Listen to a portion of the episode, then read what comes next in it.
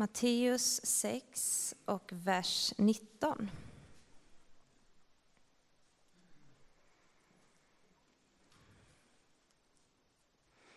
Samla inte skatter här på jorden, där mal och mask förstör och tjuvar bryter sig in och stjäl.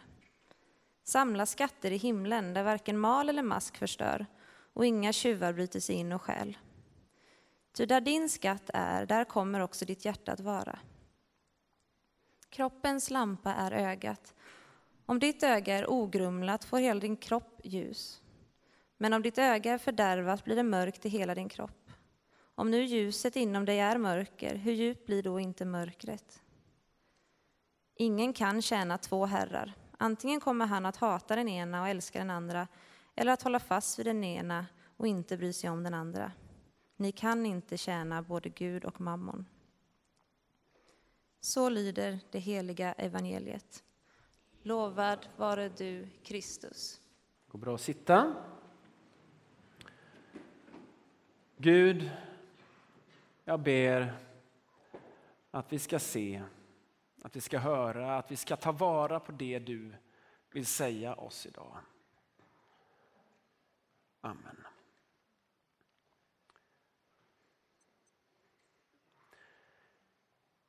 Jesus talar om skatter i himlen och på jorden.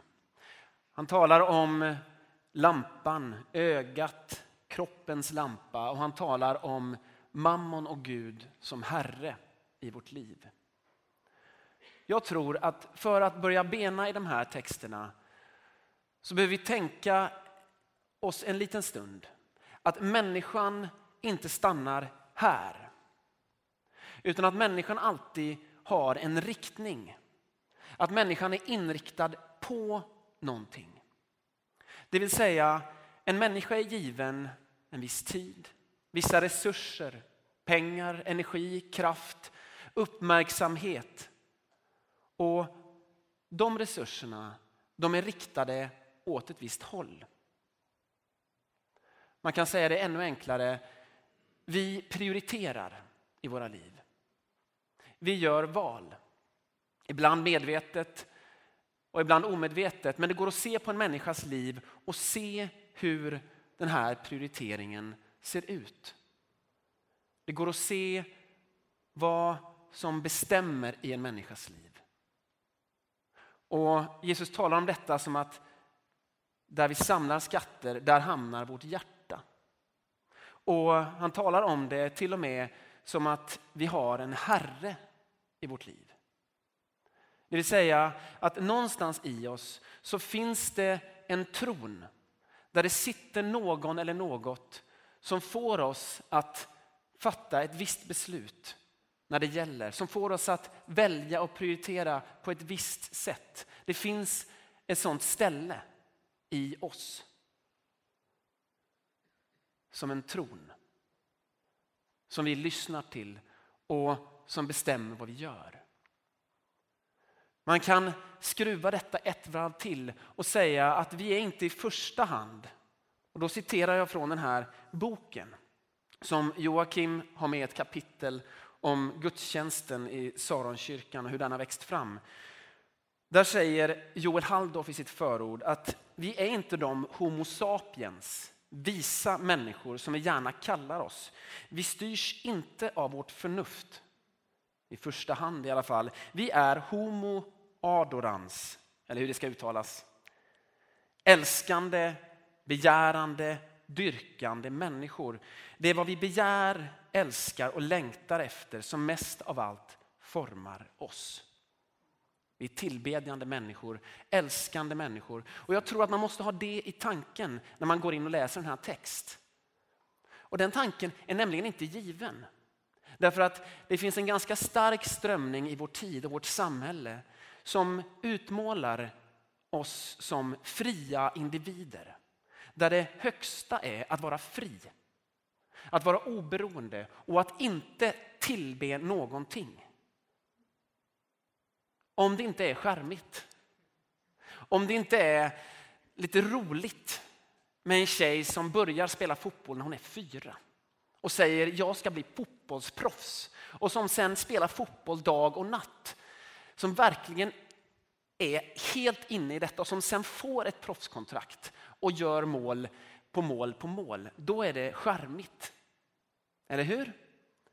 Men att tillbe en gud, det skulle jag vilja säga, det är fortfarande något av det mest suspekta i det här samhället. Att liksom tro på någonting som är utanför en själv. Att inte fatta sina egna val. Men ska vi läsa den här texten, då måste vi liksom utgå från att det är så att någonting sitter på tronen i våra liv och bestämmer. Vi lyssnar på det och så gör vi så. Och frågan till dig idag, det är vad sitter på tronen i ditt liv? Vad är det du värderar? Vad är det du prioriterar utifrån när du lever ditt liv? Om du tittar på det på det sättet. Och det första som Jesus säger det är att vi ska samla skatterna i himlen. Och jag vet inte vad du tänker när du hör det. Men jag får väldigt konstiga bilder. Jag ser framför mig en Joakim von Anka eller Krösus Sork med såna här, ni vet, såna här pengapåsar som man liksom sätter uppe bland molnen. Man samlar skatterna i himlen. Ni kanske är mer sofistikerade än jag, men det är liksom den bilden som dyker upp hos mig. Eh, himlen som ovan molnen. Liksom. Ska man förstå himlen, vad det betyder när Jesus talar om det, så kan man mycket väl tänka sig det som en plats. Som eh, en dimension i tillvaron. Inte ovan molnen tror jag, utan som någonting som kan vara närvarande här. Men det är en dimension där Gud råder helt och hållet.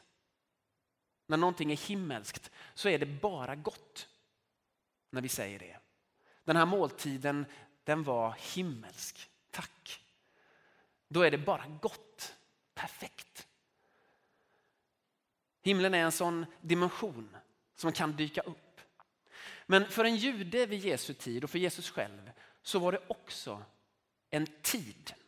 Himlen var en tid, som en årstid som man väntade på. Så såg man på världshistorien att himlen var på väg. Vi rör oss mot himlen och någon gång så kommer den. Och den stora frågan var, hur ska jag veta att jag kommer vara med i den årstiden? Att jag får följa med in i den årstiden. Jesus får den typen av frågor. Hur ska jag... Alltså, gör jag rätt? Det jag gör nu, följer det med in i himlen? Ungefär som några av mina studenter kan fråga. Det här som du pratar om nu på den här föreläsningen, kommer det på tentan? Om jag då säger, nej det var lite grann, eh, jag ville bara säga lite grann utanför, ni kan ju läsa i boken, men jag vill bara säga lite andra grejer som, va? Och så får jag en handfull mejl från studenter som tycker att de har kastat bort sin tid. Man vill inte kasta bort sin tid. Man vill sitta och lyssna på sånt som inte kommer på tentan. Eller hur? Alltså, det är väldigt allmänmänskligt. Vi vill inte kasta bort vår tid här. Och när den tanken dyker upp, och den gör den ju då och då. Ibland dröjer det, men ibland så blir det så 40-årskris. Kastar jag bort mitt liv? Vad, vad gör jag av mitt liv? Vad har det blivit av det? Alltså det är en väldigt allmänmänsklig fråga. Att vilja veta, är det här varaktigt? Är det av evig vikt? Vad är det värt? Vad är meningen? Samla skatter i himlen. Ja, men gör det som kommer att vara in i den nya årstiden. Det är budskapet. För där du samlar dina skatter, där kommer ditt hjärta vara, där kommer ditt liv att vara, där kommer du att vara. Så se till att du samlar till den nya årstiden. Men vad är då det? Alltså vad är det jag ska samla? Hur ska jag leva? För att det ska vara in i det nya. Det enklaste och rakaste svaret på det, det är se på Jesus. Läs om honom. Lyssna på honom och så får du en glimt av himlen. Se vilka han rör sig bland. Se vilka han rör vid. Se vad han säger. Se hur han dör. Så får du en glimt av himlen. Du ser att han ser de som ingen annan ser. De som ingen annan vill röra med, röra på. De som ingen annan vill äta med, de äter han med.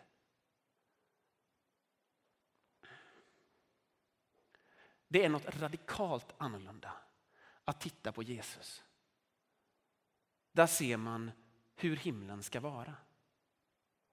Och uppståndelsen, som en liten sidonot bara, uppståndelsen är det är det första riktiga inbrottet av himlen. Där ser vi den nya världen som den kommer att se ut. Det är därför som det är så konstiga beskrivningar av Jesus när han har uppstått. Därför att han är, han är sig lik men ändå inte. För det är så himlen kommer att vara. Vi kommer att känna igen oss och ändå kommer det vara helt nytt. Himlen är som Jesus. Där tas människor tillvara. Där tas saker tillvara. Där slösas inte något och någon bort. Därför brukar jag se och tänka på second hand-butiken här när jag tänker på himlen. Vi har en butik precis vägg i vägg här och där samlar vi in saker som folk inte vill ha. Och så eh, putsas de till lite grann och så säljs de vidare. Och så går överskottet till det som det här handlar för andra går till också, som jag har hört om. Eh, det går till andra länder där vi bedriver arbete med människor som behöver pengarna riktigt mycket. Men också här i Göteborg där det finns många utsatta människor. Och De som deltar i det här, det är alla möjliga människor. Alla får plats, alla får vara med. Det är människor som får lön, det är människor som är volontärer, det är människor som gör detta för ett, som ett sätt att komma in på arbetsmarknaden. Så det är liksom ett ställe där allt tas tillvara. Det är ekonomiskt hållbart, det är socialt hållbart, det är ekologiskt hållbart. Det är ekonomiskt hållbart för pengarna cirkulerar vidare till de som behöver det. Det är socialt hållbart för att varje människa tas tillvara. Och det är ekologiskt hållbart därför att vi slösar inte bort skapelsen, jordens resurser. Himlen ligger, tänker jag, om man vill liksom fundera på vad är himlen så är den, den är väldigt hållbar. Det är, det är ett sånt där inneord, inte minst på universitetet. Eh, det finns till och med en märkning av alla kurser i kurskatalogen om de tar upp hållbarhet. Eh, jag tror att det är en bra bild eh, för himlen med den skillnaden att hållbarheten här inte bara varar x antal år utan in i evigheten. Evig hållbarhet. Det är himmelriket. Och det är inte världsfrånvänt detta som Jesus talar om som ni hör. För det är den där bilden med, med liksom pengar uppe i molnen. Det är ju liksom på något annat ställe. Det här är ju i högsta grad här. Jesus rör vid människor, han rör vid kroppar, han dricker och han äter. Och second hand handlar till och med om prylar. Så himmelriket, det är ganska konkret. Och det vi hörde här om handla för andra, det är ju också detta. Människor som kanske aldrig varit i en kyrka, de blir plötsligt indragna i himmelriket. Så tänker jag. När Lovisa berättade. Plötsligt så får de vara med. De är med i ett kretslopp. Det är hållbart. En del av himlen. Ja. Detta låter väl ganska enkelt.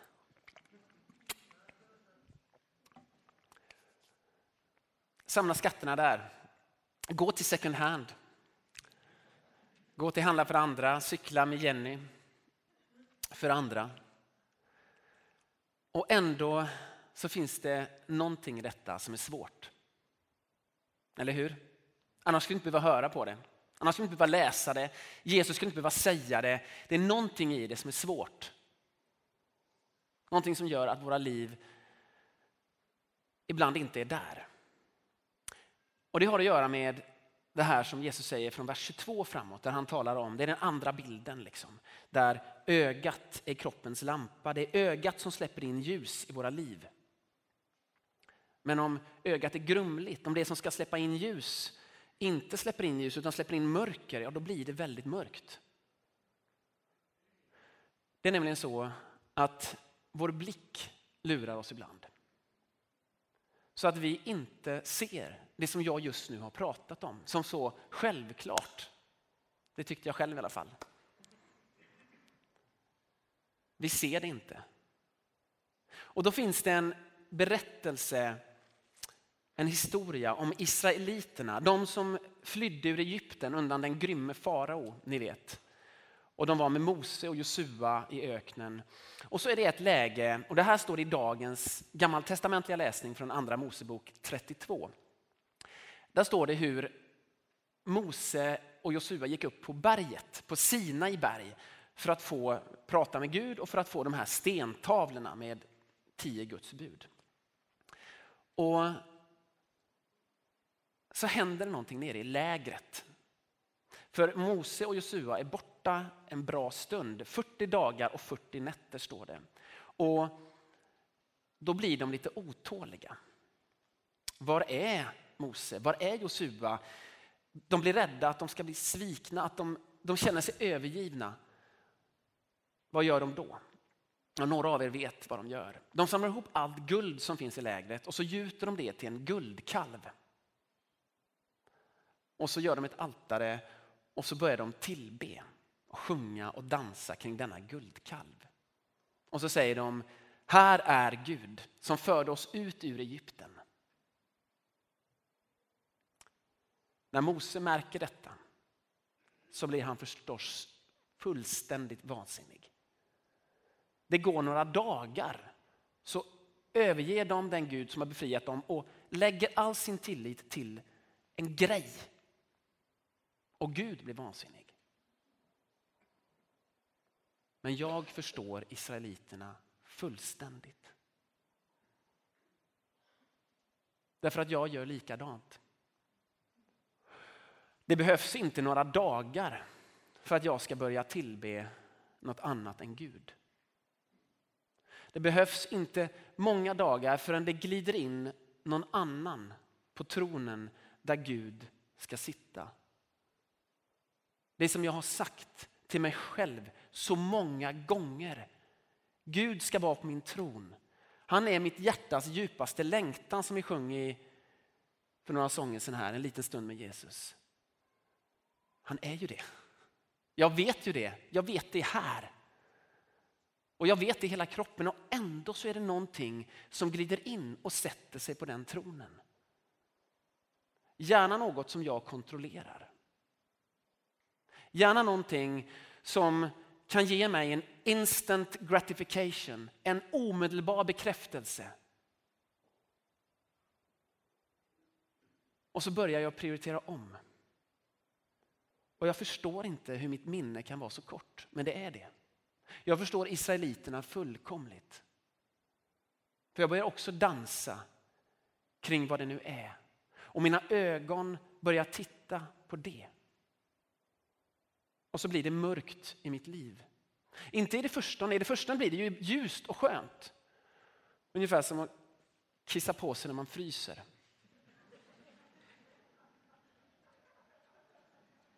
Det är det första. Liksom. Och sen så märker jag att jag inte hittar tillbaka till mig själv. Att det inte finns någonting som liksom räddar mig i den väg jag har valt. I det jag tittar på. Min inre uppmärksamhet den har tappat bort sig. Och jag är vilse. Det blir mörkt inuti.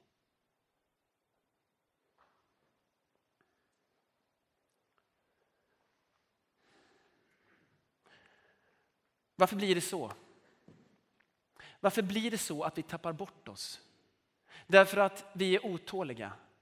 Därför att våra ögon flackar på allt möjligt. Det talas om att det finns en grundskada i människan. Att det vi vill egentligen, det gör vi inte. Och så. Alltså det verkar finnas en grundskada som jag känner av väldigt tydligt och som påstås finnas hos alla. Att man inte ser klart längre. Att hjärtat förirrar sig. Och Jag tror det beror på att vi inte alltid ser det. Himmelriket som jag har talat om, vi ser det inte alltid. Och om det inte se, syns så finns det inte. Om det inte syns så finns det inte. Det är ju en naturlag. Eller hur? Och det är inte bara jag som så att säga tycker att det inte finns, utan det är ju en samhällsströmning. Det här är ju ett system.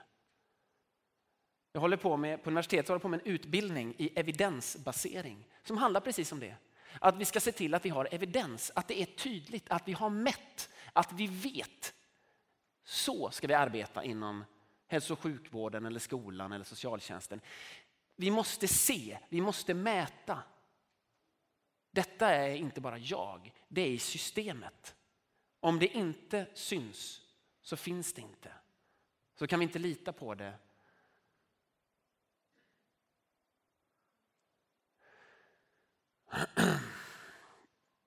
Det var inte så muntert det här. Jag är skadad och systemet är skadat.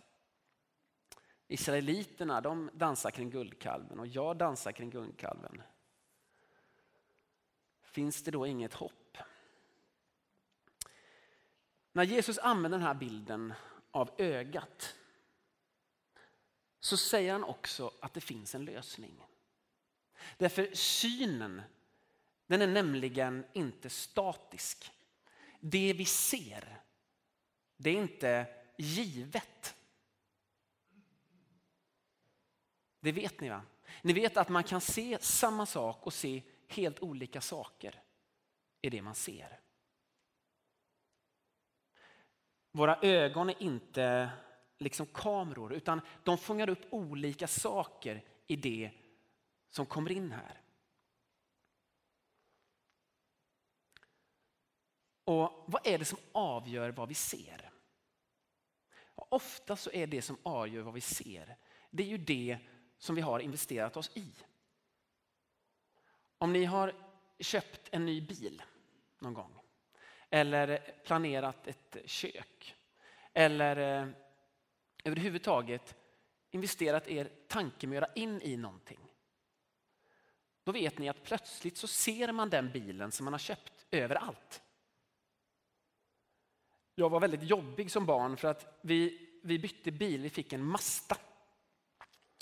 Och, och då såg jag plötsligt Mazda-bilar överallt. Och jag, jag var så förtjust i detta så jag sa till mina föräldrar så fort jag såg en Mazda. Där är en Mazda, där är en Mazda. Och där är exakt likadan bil som vi har. Alltså plötsligt så började jag se det som jag kände till. Så det vi gör påverkar det vi ser. Alltså där vi samlar skatter, det gör också att vi ser någonting. Och också tvärtom, alltså det vi ser är också det som vi tillber. Det är också det vi riktar oss till. Om det nu är så här, och så här är det, det vet jag. Varför vet jag det? Därför att det finns en hel industri som använder detta fenomen för att påverka mig. En industri som är otroligt skicklig. Och ni vet vilken det är. Det är reklamindustrin som några av er jobbar i. Ni är väldigt duktiga. Ni kan få mig att tro att den här drycken den ska göra mig lika stark som Zlatan. Eller den här bilen den kommer att göra att mitt liv blir nytt. Därför den här bilen den har inga halvätna Mariekex i sig. Inga äppelskrottar som ligger och sakta ruttnar under ett säte. Nej, de bilar som jag tittar på de är så fina. Så om jag köper en sån så får jag ett nytt liv. Alltså, det är kraftfulla bilder som påverkar oss och som kanaliserar den här riktningen som jag pratade om inledningsvis. Som styr vår tillbedjan. de vet hur de ska göra. De vet hur de ska tillskriva ett evigt värde till sockervatten. Så att jag på fullt allvar tänker att jo, men jag får nog vingar. Eller någonting annat. Ska vi inte produktplacera för mycket här. Det bara dök upp. Det bara dök upp, jag lovar. Ni ser, de styr oss. Jag hade inte planerat det, det bara, det bara kom. Så mycket påverkar det oss. Men om det är så, då har vi också en nyckel. Därför att blicken går att styra. Man kan påverka vad man tittar på. Det finns en off-knapp på de flesta apparater. Och man kan styra sina ben till ett ställe där man ser någonting annat.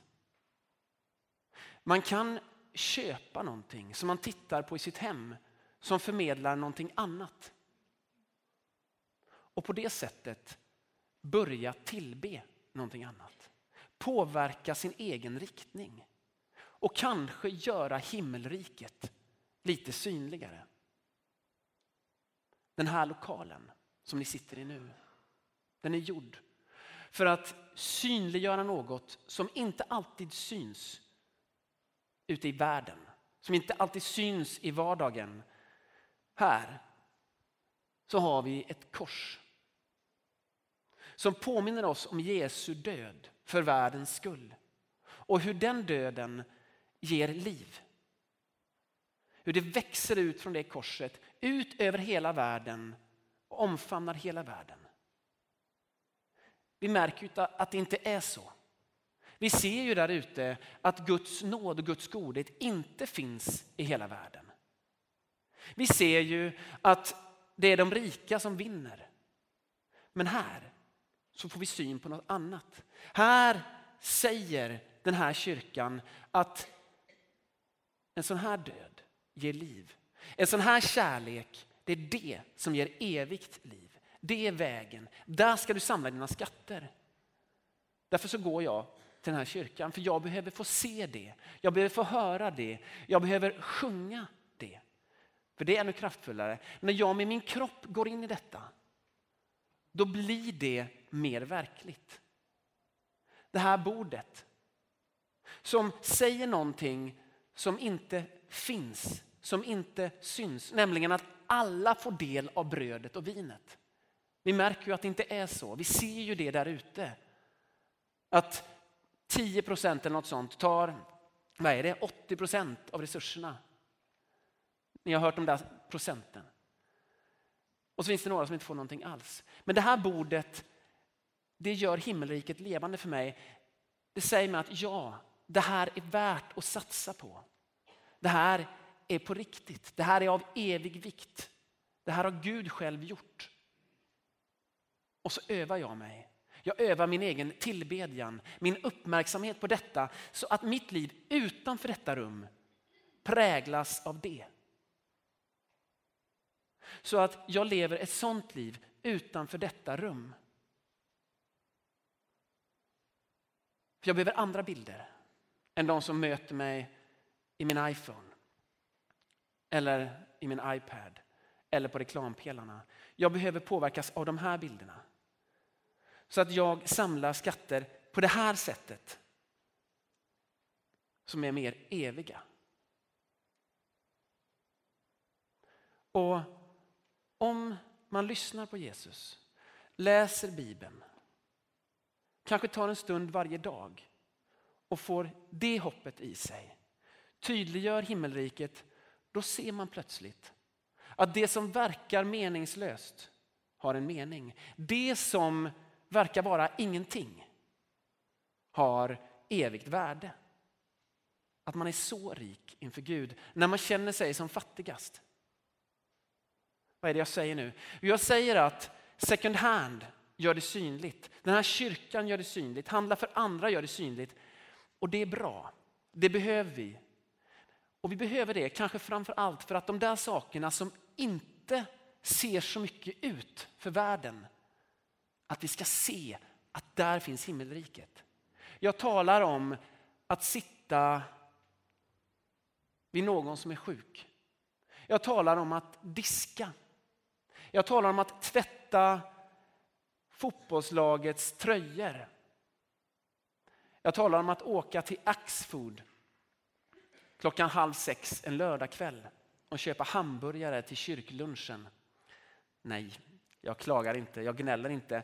Men när jag gjorde det igår kväll eh, och körde hit det istället för att vara hemma med min familj så tänkte jag faktiskt, nej jag får komma ihåg det nu. Istället för att gnälla, för att komma ihåg, jag är rik inför Gud. För det här är skatter jag samlar i himmelriket.